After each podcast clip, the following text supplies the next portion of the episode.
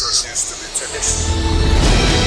Some of the best speakers in the world. The purpose of business is not to maximize shareholder value. Whoever told you that, shoot them. It brings together so many people and creates this high energy environment. Powerful speakers, powerful audience. Hjertelig velkommen til OBF-podkasten, og i studio i dag så har jeg med meg Nina Ribe fra Kona og Øystein Eriksen Søreide fra Abelia. Og vi skal snakke om hvordan lede og oppnå vekst i en medlemsbasert organisasjon, og vippe det over til kunnskapsbasert ledelse og kunnskapsbedrifter i framtidssamfunnet. Det er ikke småtterier. Velkommen, Nina. Tusen takk, Tor. Hvem er Nina Ribe? Hvem er Nina Rive? Ehm, jeg er leder av Ekona. Eh, jeg er siviløkonom, 54 år og trebarnsmor. Og hva er Ekona, for den som ikke har hørt om det? Ekona er, takk for spørsmålet, Econa Ekona er en arbeidstaker- og interesseorganisasjon for økonomer med høyere utdannelse, ehm, som da master. Siviløkonom som jeg er, og masterutdannede. Og eh, vi skal jo være pådriveren og rådgiveren, PT-en om du vil, for, til å få våre økonomer fremover. Når det gjelder karriere, når det gjelder faglig oppdatering, eh, lønnsbetingelser, eh, ja, etc., etc. Og eh, jeg regner med at eh, seerne er, eller lytterne er ganske oppgående. De vet at det har gått ganske bra for økonomer. Eh, vi ble ikke nevneverdig berørt av, av pandemien. Tjener godt, ressurssterke. og vi skal tappe inn i livet deres mm. og være relevante. Det er ikke gjort i en håndvending, men det er utrolig spennende. Nettopp. Jeg, blir, jeg, fikk mange rare tanker i hodet nå. Sånn PT for den gjengen der. Det, være, det er ikke en sånn typisk svenske som pisker deg rundt på en spinningstol. Nei, med litt sånn dårlig svettebånd. Nei, det er ikke det. Nei, det er ikke det. Nei. Vi kommer tilbake til det. Øystein, veldig hyggelig å ha deg i podkast igjen. Takk for det. Hyggelig å være her. Eh, takk. Er, hva sier du når du må pitche, pitche deg selv? Hvem er ja, Jeg kan begynne med, med, Abelia, som jeg da er direktør for. Vi er en landsforening i NHO.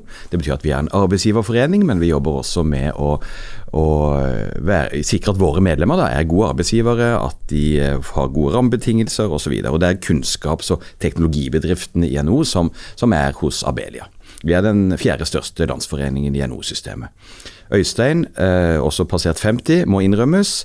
Eh, opprinnelig fra Vestlandet, oppvokst i Sandnes, eh, bodd litt i Afrika. Jobbet med veldig mye forskjellig, men jeg er, altså min, eh, min utdannelse er innen markedsføring. Jeg har en en mastergrad i internasjonal markedsføring. Men den kunne åpenbart brukes til ganske mye forskjellig, så det kan vi kanskje komme litt tilbake til. Det kan vi. Ja. Eh, vi er jo omtrent like gamle, vi tre. Eh, og det er som er så spennende å, snakke med dere om nå, er jo dette store begrepet kunnskapssamfunnet. Mm. Altså, vi snakker om kunnskapsarbeideren, og vi snakker om kunnskap vi trenger for å skape nye arbeidsplasser, videreutvikle oss i de rollene vi er i, og i det hele tatt skape vekst og velstand for de som kommer etter oss.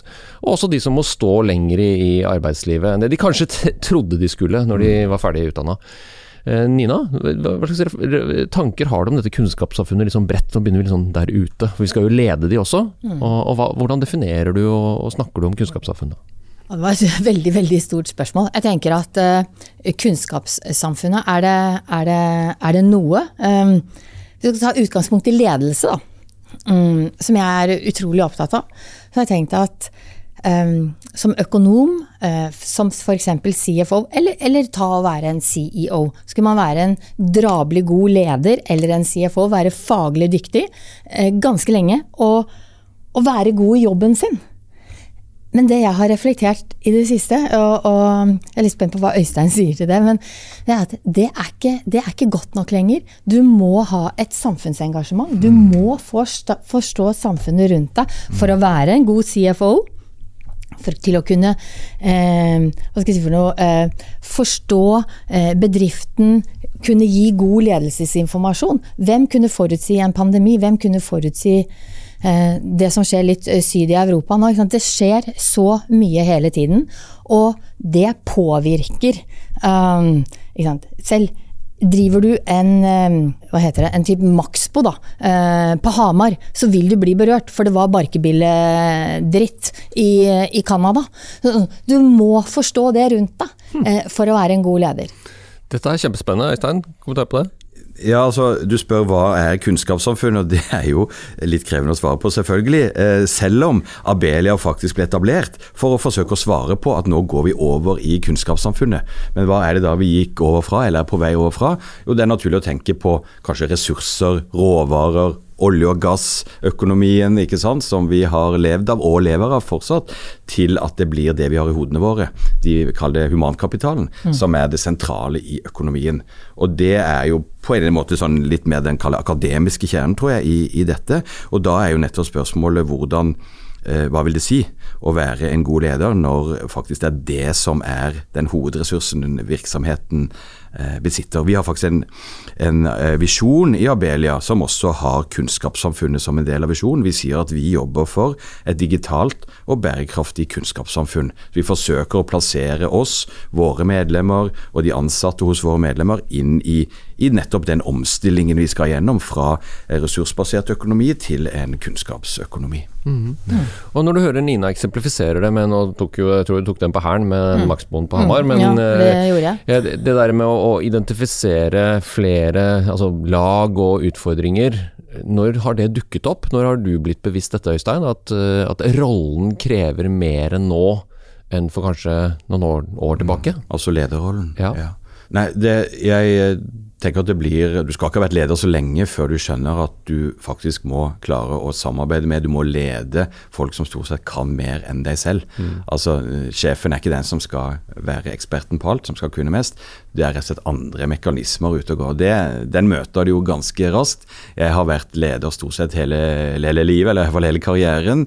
Eh, Så det vil jeg si jeg oppmøtte jo ganske tidlig. Så det er gjenkjennelig, absolutt. Men det som jeg vet at eh, du, særlig Nina, har jobbet med, er jo også å ha et oppdrag for å eh, om ikke strømlinjeforme, så i hvert fall skape vekst og, og utvikling i Ekona.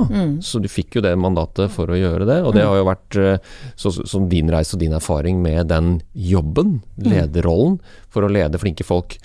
Hva har du gjort, og hva er det for noe? Ja, ehm, og det må jeg si da, det er utrolig, utrolig spennende. Altså, nå må jeg passe meg så ikke jeg bare tar helt av her. Vi, altså, jeg skulle prestere bedre resultater med de samme folka enn hva de hadde prestert før jeg kom. Eh, det er krevende. Eh, og det du må gjøre da, eller som jeg valgte å gjøre uh, Alt jeg sier nå er basert på liksom, mitt hode og mine erfaringer, det må jeg bare få lov å si. Um, uh, det var jo å, å skape en felles forståelse av hvor vi er. hva som er utfordringene, og hvor vi skal. Um, og det å få en kultur som var kanskje veldig liksom preget av at alle skal med på alt eh, når man er liten. Eh, du leder en stor organisasjon, men med små organisasjoner så er det veldig veldig lett å gjøre. Eh, og det der å skape forståelse for at alle ikke skal være med på alt, og det er helt ok. Eh, alle trenger ikke å mene noe om alt, og skal ikke mene noe om alt. Eh, det der å få til liksom det taktskiftet i mindsettet til folk, det var der jeg, det var der jeg valgte uh, å begynne. Eh, og, og, og vi lagde en ny strategi høsten 2019, uh, som vi fortsatt har. Eh, og jeg har bare lyst til å nevne navnet på den, for jeg er så dritfornøyd med det navnet. Eh, og det er Løvhjerte. Eh, og det er jo basert på historien om Brødrene Løvhjerte. Når du skal få folk til å gå raskere i takt, og strekke seg ut og stå skulder til skulder og gå den ekstra milen, så, så handler det om respekt, det handler om tillit, og det handler om å ville hverandre vel. Eh, og det må man øve på. Og jeg har ikke noe bedre eh, historie som illustrerer det enn Brødrene Løvehjerte. Eh, og folk trodde jo jeg var eh, at jeg kanskje hadde røkt noen sterke, sterke saker da jeg kom med det, men, men det er blitt liksom en, det er en greie Ja, eh, så du har fått nå. eh, implementert det, og, Helt- og man etterlever det også? Ja, vi, vi det er jeg stolt av. Så kan det alltid bli bedre, men eh, vi står skulder til skulder. Ikke bare når eh, sola skinner og du har vind i ryggen. ikke sant? Eh, Clouet er jo når, når det pissregner og det er kaldt. Hva skjer med organisasjonen din da? Og det som leder, å ha den tryggheten, at du har folka dine med deg, det er, eh, det er helt vidunderlig. Og så har vi jo eh, så jeg kom jo fra eh, jeg, også, har- jeg har vært leder i, i, i 20 år og har jobbet 16 år i kommunikasjonsbransjen. Så jeg er jo litt over middels interessert i kommunikasjon. Så jeg måtte liksom begynne der. begynne med kommunikasjonen. Og skape den synligheten. For å bruke det til å generere stolthet eh, internt hos lokalavdelingene og blant de medlemmene som vi hadde. Og så har vi bygd videre derfra. Og eh, eh, da jeg startet i Ekona, så var vi eh, ca. 21 500. Og nå nærmer vi oss 28 000. Da er de fornøyd, da. Ja, for de fire, fire foregående årene eh, så, så var strategien i og for seg annerledes. Eh, men, men da var nettoøkningen liksom 1300. Så liksom, det bare sier noe om hva de folka har prestert. Da. Og så er det jo selvfølgelig noen som har forlatt oss. Eh, ikke sånn i, i spirituell, men altså eh, sluttet og, og startet andre steder. Og så har det jo kommet nye til. Og så har vi også økt eh, noen få årsverk. Men hvor mange er dere, da? Nå er vi 36. Jeg tror det er et sånt der, Jeg tror jeg har lest noe sted at når du bikker sånn 25 og 28 stykker, så er det en sånn kritisk masse til akkurat det du snakker om. På å klare å holde på den at alle skal ha en finger inn i, i alt. Mm. Og så, hvis jeg kan få lov til én ting til. Ja. Eh, så var det én ting jeg så. Det der å analysere litt. Hva slags folk er det Hva slags kompetanse er det vi egentlig har? Og er vi rigga for oppdraget vårt? Og det jeg så, var at eh, Ekona var en, en Det var veldig mange generalister. Og svært få spesialister. Så jeg så at jeg måtte gjøre noe med kompetansen. Um? Hvis vi skal tappe inn i livet til disse vellykkede medlemmene våre, eh, så kan vi ikke være en haug med generalister. Da må den brøken måtte gjøres om. Og det har jeg brukt tid på. Men nå eh, er vi mange spesialister og noen få generalister. Veldig interessant, Øystein. Mm, jeg blir jo veldig veldig, glad når jeg hører dette her. Og jeg vet det er en suksesshistorie. Jeg har fått tilbakemeldinger fra medlemmene dine som ikke du vet hvem er, men som jeg kjenner, som er veldig fornøyd okay, med at det er tydeligere kommunikasjon, og det er tydeligere hva som er fordeler med å være medlem. Mm. Så varepraten har blitt bedre. Tusen takk. Øystein, det er spennende å høre på. Det er veldig spennende å høre på. og Nina sa at vi er store, vi er, vi er ikke flere ansatte enn dere. så Sånn sett er det veldig sammenlignbart. Og også en virksomhet som har gått gjennom de 20 årene Abelia har eksistert, fra å være litt sånn utfordrer i NO-familien. kall det gjerne litt preget av en gründerånd. Paul Sheffy var sjefen der i mange år. Og alle var, sånn som jeg får det fortalt, da, jeg har ikke vært med på dette, men alle var på en måte med på alt. Og det var en utrolig sterk samlet kultur som, som var sannsynligvis et veldig godt sted å jobbe. Men så kom, som du beskriver, må komme til et punkt hvor du er på en måte nødt til å ha noe mer spesialisering. Eh, man må rett og slett, fordi det er hensiktsmessig, fordele oppgaver og basert på ulik kompetanse osv. Den reisen er jo vi også eh, på, og kjenner jo alle sammen at det er litt krevende noen ganger å henge med på ok, men hva er det nå som skjer? ikke sant? Intern informasjonsbehovet blir større. Faren for at noen føler seg utenfor og ikke helt eh, vet hva som nå foregår overalt i virksomheten, det øker jo selvfølgelig. Så det, det må man prøve å jobbe med. Men i vår strategiprosess, som også var noe av det eh, vi har jobbet med etter at jeg begynte for et par år siden, så har det vært viktig å selvfølgelig bygge på de styrkene vi hadde, men kanskje hovedgrepet har vært å forsøke å ytterligere tydeliggjøre nettopp hvorfor finnes Abelia. Hva er vår rolle? Og, og gjøre det på et ganske holdt på å si, makronivå. I hvert fall er jeg sånn selv som leder at jeg trenger å jobbe et sted som betyr noe i en litt større sammenheng. Og jeg vet at det har jeg til felles med de fleste andre kunnskapsmedarbeidere. Finne mening i jobben vår. Og derfor har vi faktisk eh, turd, som sagt, å formulere en visjon som er en samfunnsvisjon like mye som at Abelia bare skal vokse og bli litt større og sterkere som en del av NO-familien. Som kunne ha vært en annen måte å formulere et fremtidsbilde på. Da. Og merker at det gir mye energi, og vi forsøker å ha det som en ledestjerne, og da kan vi kanskje tolerere at ikke alle gjør det samme eller vet det samme hele tiden. Du har replikk på det, Nina? Ja, eh, superspennende eh, å høre. Og, og jeg, jeg, jeg, er liksom, jeg er helt overbevist om at det er veien å gå. Eh, du må tørre å stå for noe. Og så må du tåle at alle ikke er enig med deg. Eh, mitt mål er selvfølgelig når, når jeg er ute og taler um, Ekonas sak, at våre medlemmer skal tenke ja, det er godt sagt. Det er, det er godt sagt. Um, eller det var det jeg tenkte. Men det hender jo at det ikke er tilfellet. Og da må vi tåle å stå i det. Men det kan være godt sagt allikevel.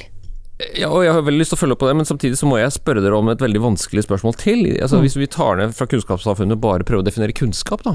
Bare det er jo vrient. Hva, hva- hva er dere hva, Altså I en medlemsorganisasjon som lever av å, å skape verdi for en eller annen slags tilhørighet og alt sammen, i det som er dette kunnskapssamfunnet, hvordan definerer dere kunnskap? Det er sjakkmatt, vet du, fort. Det er sjakkmatt. Det er dårlig Ja, det er veldig dårlig godt.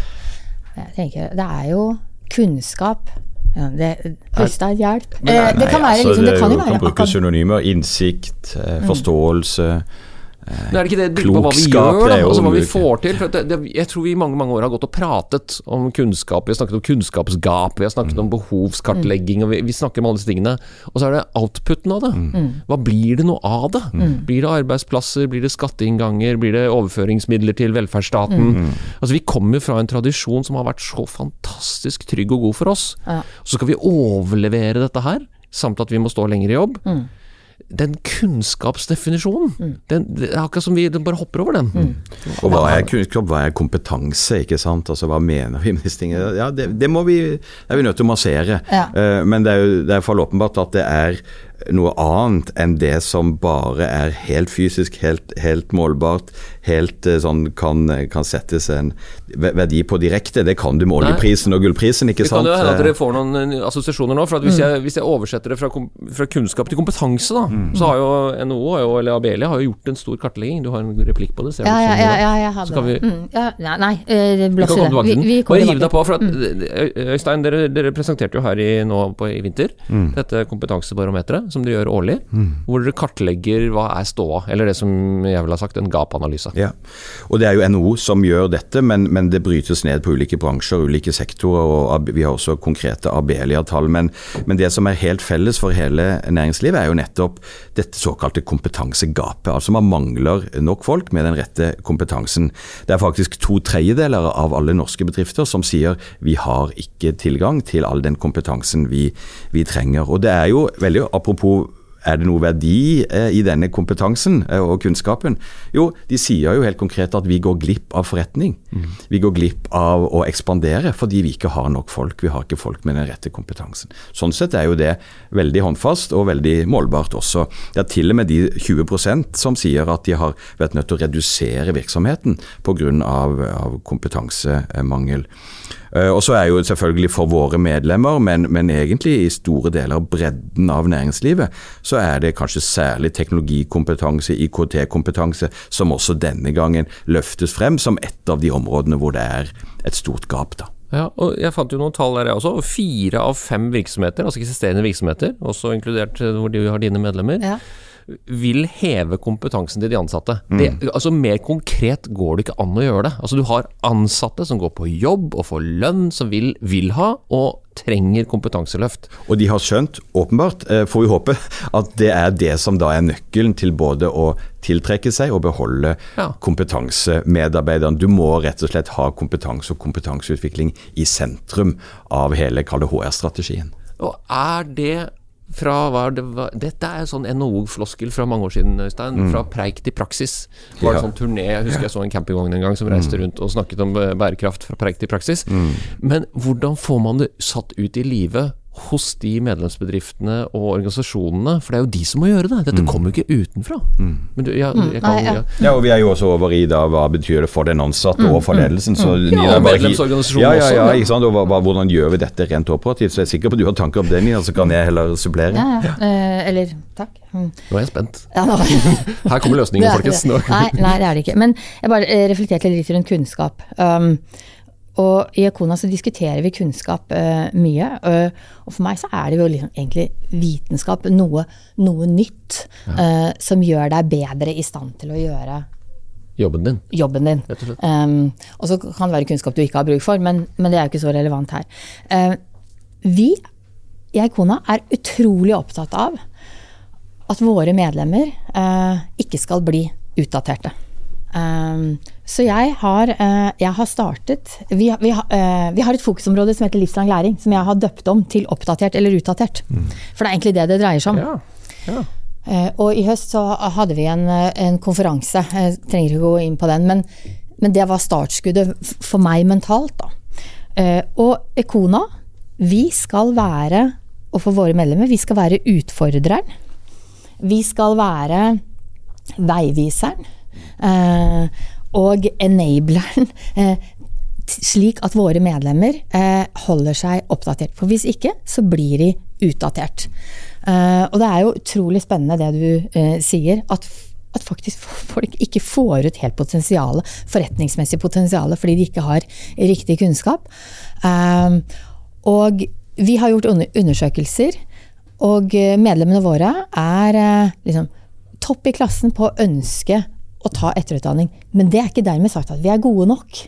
Um, uh, og vi må få med arbeidsgiverne. Eh, så her tror jeg Absolutt. faktisk eh, Øystein, at vi, Det- vi kan ha glede av hverandre. Det, altså. det er jo helt soleklart. Og, og så kan du også si at selv om da både lederne sier at vi må bygge kompetanse, og de ansatte sier at vi er motivert for å faktisk gjøre det, Mm. så ser vi jo at ofte stemmer ikke det helt i praksis Nei. allikevel. Apropos det, det du er inne på, Tor, hvordan får vi det faktisk til? Men det er klart, hvis, hvis noen spør oss hva er strategiene for å dette, dekke kompetansegapet, så er jo åpenbart livslang læring, eller hva du vil kalle det, mm. helt sentralt. I tillegg selvfølgelig til at man må ha eh, påfyll av, av flest mulig med riktig grunnkompetanse, altså flere studieplasser. Vi må bli flinkere til å, og vi er antagelig helt nødt til, også å tiltrekke oss utenlandsk eh, ekspertise og kompetanse. Det må bli lettere. Og det er jo dessverre veldig dagsaktuelt også. Hvordan få folk som kommer utenfra lett i arbeid, raskt i arbeid. Og så tror jeg òg du kan legge på inkluderingsutfordringen hvor det er 600 000 i arbeidsfør alder som allikevel står utenfor arbeidslivet. Det er jo en av de store samfunnsutfordringene vi står i. Og hver for seg tror jeg vi må, vi må jobbe med alle de områdene for å, å få det til. Og så kan vi kanskje gå inn igjen i mikrobilget i bedriften. Hvordan gjør vi det, da? For det er jo krevende. Eh, å faktisk få Du skal jo levere på resultatene ved dag til dag. Hvordan får du da tid til å faktisk også drive kompetanseutvikling? Ja, Spennende. Og der dekker du jo hele spekteret, egentlig. Og, øh, veldig godt, Øystein. Du hadde en replikk på den, Nina? Ja, nå har jeg to replikker. Flott. Eh, eh, til det siste du sa, Øystein. Vi har gjort en undersøkelse blant våre medlemmer. Eh, og der er det, det er, som du sier, det er tiden. Det er fleksibiliteten. Mm. og det å Det er det ene. Og det nummer to, det er det du eh, Du kommer fra BI, Tor. Det er syv og et halvt studiepoeng. Det er det minste du kan studere på BI. Mm. Det diskuterer vi med Kona. Det må vi kunne bryte ned. Det kan virke veldig overveldende hvis man er trebarnsmor eller far eller hva man er. Så har jeg en ting til. Eh, Vi ble enige om at eh, vi ble født på det kuleste eh, Det magiske 80-tallet. det magiske året. Jeg ble ikke født på 80-tallet, nei. det, det må vi ikke skryte på oss. Nei, det kan vi ikke skryte på, men det er lov å prøve seg. Men uansett, eh, da vi studerte, hadde du innovasjon? Hadde du grønn omstilling? Eh, hadde du digitalisering? Jeg hadde det ikke. Ja, knapt nok. Ikke sant? Vi hadde ikke det. Um, og det jeg tror jeg flere og flere Vi må ta det innover oss. Ja, Altså. men her har jeg mange ting jeg har lyst til å si. Jeg skal prøve å fatte meg i korthet. det er altså Utdanningsinstitusjonens største svøpe er jo at vi, er- vi er veld, fra utdanningssiden veldig gode på å definere kunnskap. Det er bare at jeg opplever ikke at vi blir helt trodd på. For du kan dele det inn i tre. Det første er kjennskap. Altså Du har litt innsikt og overflatetilnærming til altså Som generalisten vil gjøre. Du vet at det finnes noe kunnskap om IT-sikkerhet f.eks., eksempel eller cybersecurity eller AI eller sånn. Men hvis du skal gå fra kjennskap til kunnskap, altså ferdigheter, så må du trene. Det kommer ikke av seg sjæl. Og de aller fleste syns at det er ubehagelig. Og så er det tredje nivå. Forbi det å ha ferdighet, det er holdning. Ja. Og jeg syns jo noen ganger Jeg blir litt matt av det. Jeg har undervist mange år i samfunnsansvar og bærekraft og disse tingene sjøl. Det er egentlig litt sånn derre perle forsvinn. Ja. Fordi du må bli noe først. Du må være et verktøy i noe for at du kan påvirke noe fra innsiden. Du kan ikke komme med sånn ESG-forståelse, og så tro at du vet hvordan et, øh, en verdikjede fungerer. Det er jo omvendt. Det, det er jo, jeg syns jo det var så fint det du sier, Nina, om det der å ta tak i det spesialistfokuset. Og bli veldig god i noe. Og så ha noen generalister som kan styre det. Men vi stopper opp på kjennskap. Ja. ja. så Vi er går helt- ikke inn i kunnskap. Nei, Og så er jeg jo så enig i at vi må se Vi kan ikke snakke om Er det enten den det grunnleggende akademiske eh, graden eller, eller grunnutdanningen som er, liksom er kun det vi skal snakke om, eller er det liksom bare holdt på å si, etter- og videreutdanning og, og kurs underveis? Det er jo åpenbart begge deler, er apropos de tingene vi ikke har hørt om da vi studerte. Og Det er jo nettopp det som er poenget. Vi må fortsette å oppdatere oss ikke eh, eh, gjennom arbeidslivet og yrkeslivet. Men det må, det må bli lettere. Og kanskje også utdanningsinstitusjonene trenger å bli litt utfordret på mer fleksibilitet, mer tilpasningsdyktighet, som det du er inne på. Vi ser jo flere av våre medlemmer som er ganske flinke nå til å tilby kortere kurs. Seks uker, åtte uker, ti uker, hvor du da går inn og får lært deg en ny ferdighet som er direkte operativ og nyttig med, med en gang. Eksakt. Og det er det som skjer nå, og det tror jeg du er, det har du helt rett i. Og det, der må vi jo både utfordre oss selv og andre til å ta tak i det. For det er den ferdighetstreningen som kommer til å gi bevisene. En CFO på Hamar, da, for å forlenge den eh, historien, Som, som skal gjøre det best mulig for sin eh, Var det Maxbo det var? Ja. Så, til Det skulle være en treforedlingsindustri, men jeg kom ikke på den. Navnet. nei, det er helt fint det. Som må gjøre noe lokalt, og som må sørge for at de overlever, og kanskje til og med må håndtere en del sånne ja, prisdrivende sjokk, som det er i veldig mange bransjer nå. Det er jo krevende. Og så, så har jeg lyst til å utfordre en, på én ting til, før vi, vi kommer over på tillitsbasert ledelse i praksis. Det er Jeg hadde Harald Magnus Andreassen på besøk i den første OBF-podkasten i 2022, og han snakker om noe som, som, er, som han definerer som et kapasitetstak. At norsk økonomi nærmer seg et kapasitetstak. Og alle de ledige stillingene og det underliggende presset i økonomien vitner jo om at det antageligvis er riktig. Så det er ikke så veldig mye å hente ut. Vi har ikke så mange ledige hender. Og da får vi en press på lønninger, og så får vi en press på liksom folk vet hva de er verdt. Og kanskje også at vi blir litt sånn mindre interessert i å lære oss nye ting. Hva tror dere om det? Jeg tror altså det vi kan ikke argumentere mot økonomens beskrivelse av, av, av den utfordringen, den økonomiske utfordringen. Men, men, men jeg tror det er flere tilnærminger til løsningen. Det ene har vi vært innom dette med at vi også faktisk må åpne grensene, sannsynligvis. Vi kommer ikke utenom det. Det må faktisk være mulig for flere å jobbe i Norge. Og så er det noe med hvordan vi faktisk da tar teknologien f.eks. i bruk. Altså at du jobber smartere, jobber mer effektivt, bruker både de varme hendene og den vi kaller menneskelige empatien der den, der den gjør mest nytte. Og så er det ganske mange oppgaver som eh, kapasitetsutfordringer da, som vi kan løse ved hjelp av teknologi. Så jeg, Det er jo ikke hele bildet, men jeg tror i hvert fall det er mine sånn, første assosiasjoner til det. Ja. Vil du ha en replikk på det, eller? For jeg har nemlig, jeg tror du har deler av løsningen. Ok, Vil du vite det? gjerne. Ja, ikke det spennende? For lederen kan jo også gjøre en forskjell. Og det du har fortalt meg om, og som jeg hadde med i førsamtalen med deg, at du leder jo etter noen prinsipper som ikke er de klassiske KPI-prinsippene. At du setter opp mål, mål, målcharts for dine ansatte, og så skal de Du jobber jo litt etter en annen filosofi. Og som er litt av hemmeligheten til hvordan du har skapt en organisasjon med mest spesialister og noen få generalister. Og, og det er jo om å måle det som betyr noe. Og jeg tror det omtales sånn i dagligtalen som OKR-er. Jeg har hørt om dette, men jeg, jeg skjønte jo at dette må du fortelle oss litt mer om, Nina. Hvorfor virker det? Hvorfor kan OKR-ene være et verktøy for ledere til å skape enda mer ja, enhetlig forståelse om hva vi må? Først. Når man skal ta på seg et nytt eh, lederoppdrag, eh, så tenker man liksom hvilken bransje liksom, Man gjør seg noen tanker. Eh, og jeg har vært fascinert av liksom Silicon Valley, Google, Facebook altså, Nå snakker jeg for noen år siden. Hvor, hvor flinke de var. Det gikk de, sånn, Tilsynelatende så gikk de bare fra den ene liksom, skansen til den andre. Hva, hva, liksom, hva lå bak det? Og alle virket bare sånn helt nesten sånn euforiske. Og tenkte jeg, hva, hva er min liksom, Hva slags leder vil jeg være? Og hva er det jeg egentlig er ute etter? Jeg vil som leder eh, forløse energi og kreativitet. Og, og gjøre det i liksom full kaos har jeg ikke en dritt tro på. Eh, så det må være i, liksom, i noen trygge rammer.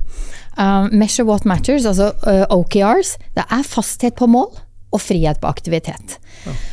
Og du hører sånn, ja men det gjør jeg, det gjør jeg. Uh, men jeg kan love deg, det er veldig mange ledere som tror at de gjør det, men de gjør det ikke. Uh, fasthet på mål, frihet på aktivitet, det er så lett og så vanskelig på samme tid. Det betyr at du må styre på målene. Eh, Det betyr at det, det er ikke din måte som, som Det er mange Skuffende veier nok, ja. Nei, det er veldig irriterende. Du har kopier allikevel, Ja. Du har jo kopier, men så lenge det går bra, eh, ikke sant, så lenge de styrer mot målene, og de når målene, så skal du ikke gå inn og blande det. Men er det ikke noe med at eh, hvis du Men, men den dagen de ikke gjør det, Ja, da må du da mister du friheten din. Fingeren i øyet. Men Nei, men jeg, altså, jeg, jeg syns jo det, dette er veldig spennende. Og så er det jo som du sier, Nina. Vil ikke de fleste ledere si ja, det er vel øh, sånn vi leder kunnskapsmedarbeidere, stort sett. Vi vet vet, vi har skjønt at vi klarer ikke å lede dem i detaljene fra dag til dag. Du Mm, kan ikke si nå klokken ti skal du gjøre det, klokken tolv skal du gjøre det. Nei. Men du må ha en, en felles forståelse for hvem er vi, Mm. hva er det vi prøver å få til, hvor skal vi, og så ha betydelig frihet. Men, men jeg klarer ikke å henge helt med på hva som egentlig er forskjellen i tilnærmingen øh, fra det du kan kalle vanlig målstyring eller resultatorientert ledelse til OKR, OKR-tilnærmingen. Eh, den store forskjellen er at eh, du har ikke statusmøter. Eh, Du rapporterer ikke like ofte. Nei, nei, du rapporterer ikke like ofte, og du rapporterer ikke status. Eh, det er én ting som gjelder. Kommer du til å må nå målene dine, ja eller nei? Eh, jeg har ikke statusmøter. Jeg er opptatt av én ting. Med den viten, Tor, du har i dag, og de målene du har satt deg, kommer du til å nå målene dine. Eh, ja, Nina, det gjør jeg. Når er sannhetens øyeblikk, da, eller når er det man svarer om det gikk eller ikke gikk? Ja, sannhetens øyeblikk er jo egentlig liksom når, eh, når perioden er over, men den, den kommer jo ofte før. Fordi det er jo veldig ofte at det uforutsette ting skjer. Som man sier nei. Men er det ikke noe med det er sånn kvartalsvis eller et par Jo, jo, måneder i slengen? gjør det- vi gjør det- vi- vi gjør det her. kvartalsvis. Det er ikke et årsmål, sånn som vi har holdt på med på Det er mer rullerende tilnærming ja, til både planlegging og Vi setter et og årsmål, Ja, men så er det eh, men, men det er det som styrer. Mm, men vi, vi sikrer eh, kvartal i forkant. Et- Jeg kjenner nå at jeg er veldig dårlig på å forklare. Nei, nei, men det er viktig å liksom snakke om dette. Mm. Så, eh, så idet du, i det du svarer nei, da, ikke sant, så er det liksom ikke Tor, ok, du svarer nei. Eh, hvorfor svarer du nei? Det er ikke så interessant. Det som er interessant, er hva kan vi rundt bordet gjøre for å få ditt nei til å bli et ja? Hva har du i lommene dine, hva har han og han i lommene sine, som kan bringe deg så vi kan få deg til å bli et ja. Så du får en helt annen dynamikk. Eh, for det er vi sammen som har satt Vi har selv eh, liksom, Alle har bekreftet hverandres mål. Så selv om du styrer dine mål, så har jeg bekrefta de. Jeg er like, liksom, jeg er like interessert, liksom, dedikert på det. da. Så du får en liksom annen dynamikk. Hører? Veldig, dette veldig, må veldig vi- spennende. Dette ja. må vi inn i, jeg hører det. Ja da, absolutt. Og det, det er For å si det sånn, det er, eh, det er eh, nye momenter her å fange opp, og, og, og som kan tilføre noe nytt, helt klart hos, hos oss òg. Jeg vil bare si at jeg får assosiasjon til et arbeid vi har gjort. Vi er jo som sagt en arbeidsgiverforening, og så snakker vi om omstilling, det nye arbeidslivet, særlig post korona. Hvordan skal vi egentlig ha det sammen og jobbe sammen fremover? Eh, Så vi, vi, vi har sagt at vi har en ambisjon om at våre medlemmer skal være de beste og mest fremtidsrettede arbeidsgiverne. Men hvordan ser det ut, hva vil det si? Så Vi satte ned et ekspertutvalg ledet av en av dine kolleger, Anders Dysvik fra BI. eh, Og han kom opp med, og gruppen da, som han ledet, kom opp med eh, en, en del kriterier som er gjenkjennelige, men jeg får noen assosiasjoner til også det vi, vi snakker om nå. F.eks. det å ha en eksperimenterende tilnærming. Å Være åpen for å tilpasse underveis. Ikke si at nå skal vi gjøre dette et svært prosjekt i hele år, men vi prøver ut noe, og så er vi evne, evne, har vi evne til å tilpasse oss. Eller selvfølgelig tillitsbasert ledelse, som du kan si alle snakker om, men som også er en del av det du beskriver, eh, Nina. Og hvis jeg også kan legge til eh, dette med å stadig være opptatt av kompetanseutvikling, som jeg, vi allerede har snakket eh, mye om, og dette med at de gode arbeidsgiverne tilbyr arbeid med mening. Disse tingene henger sammen. da, Både de store, lange linjene, visjonene, og hvordan skal du lykkes i det, i det daglige. Og Å, Åh, nå er det mye. Um, kompetansedeling. Vi har alle lært uh, 70-20-10 uh, på opplæring. Og det som er liksom Altså, en av skjønnhetene eller, sånn, 70% på arbeidsplassen, 20 litt sånn input, og 10 kurs og læring. Ja. Mm.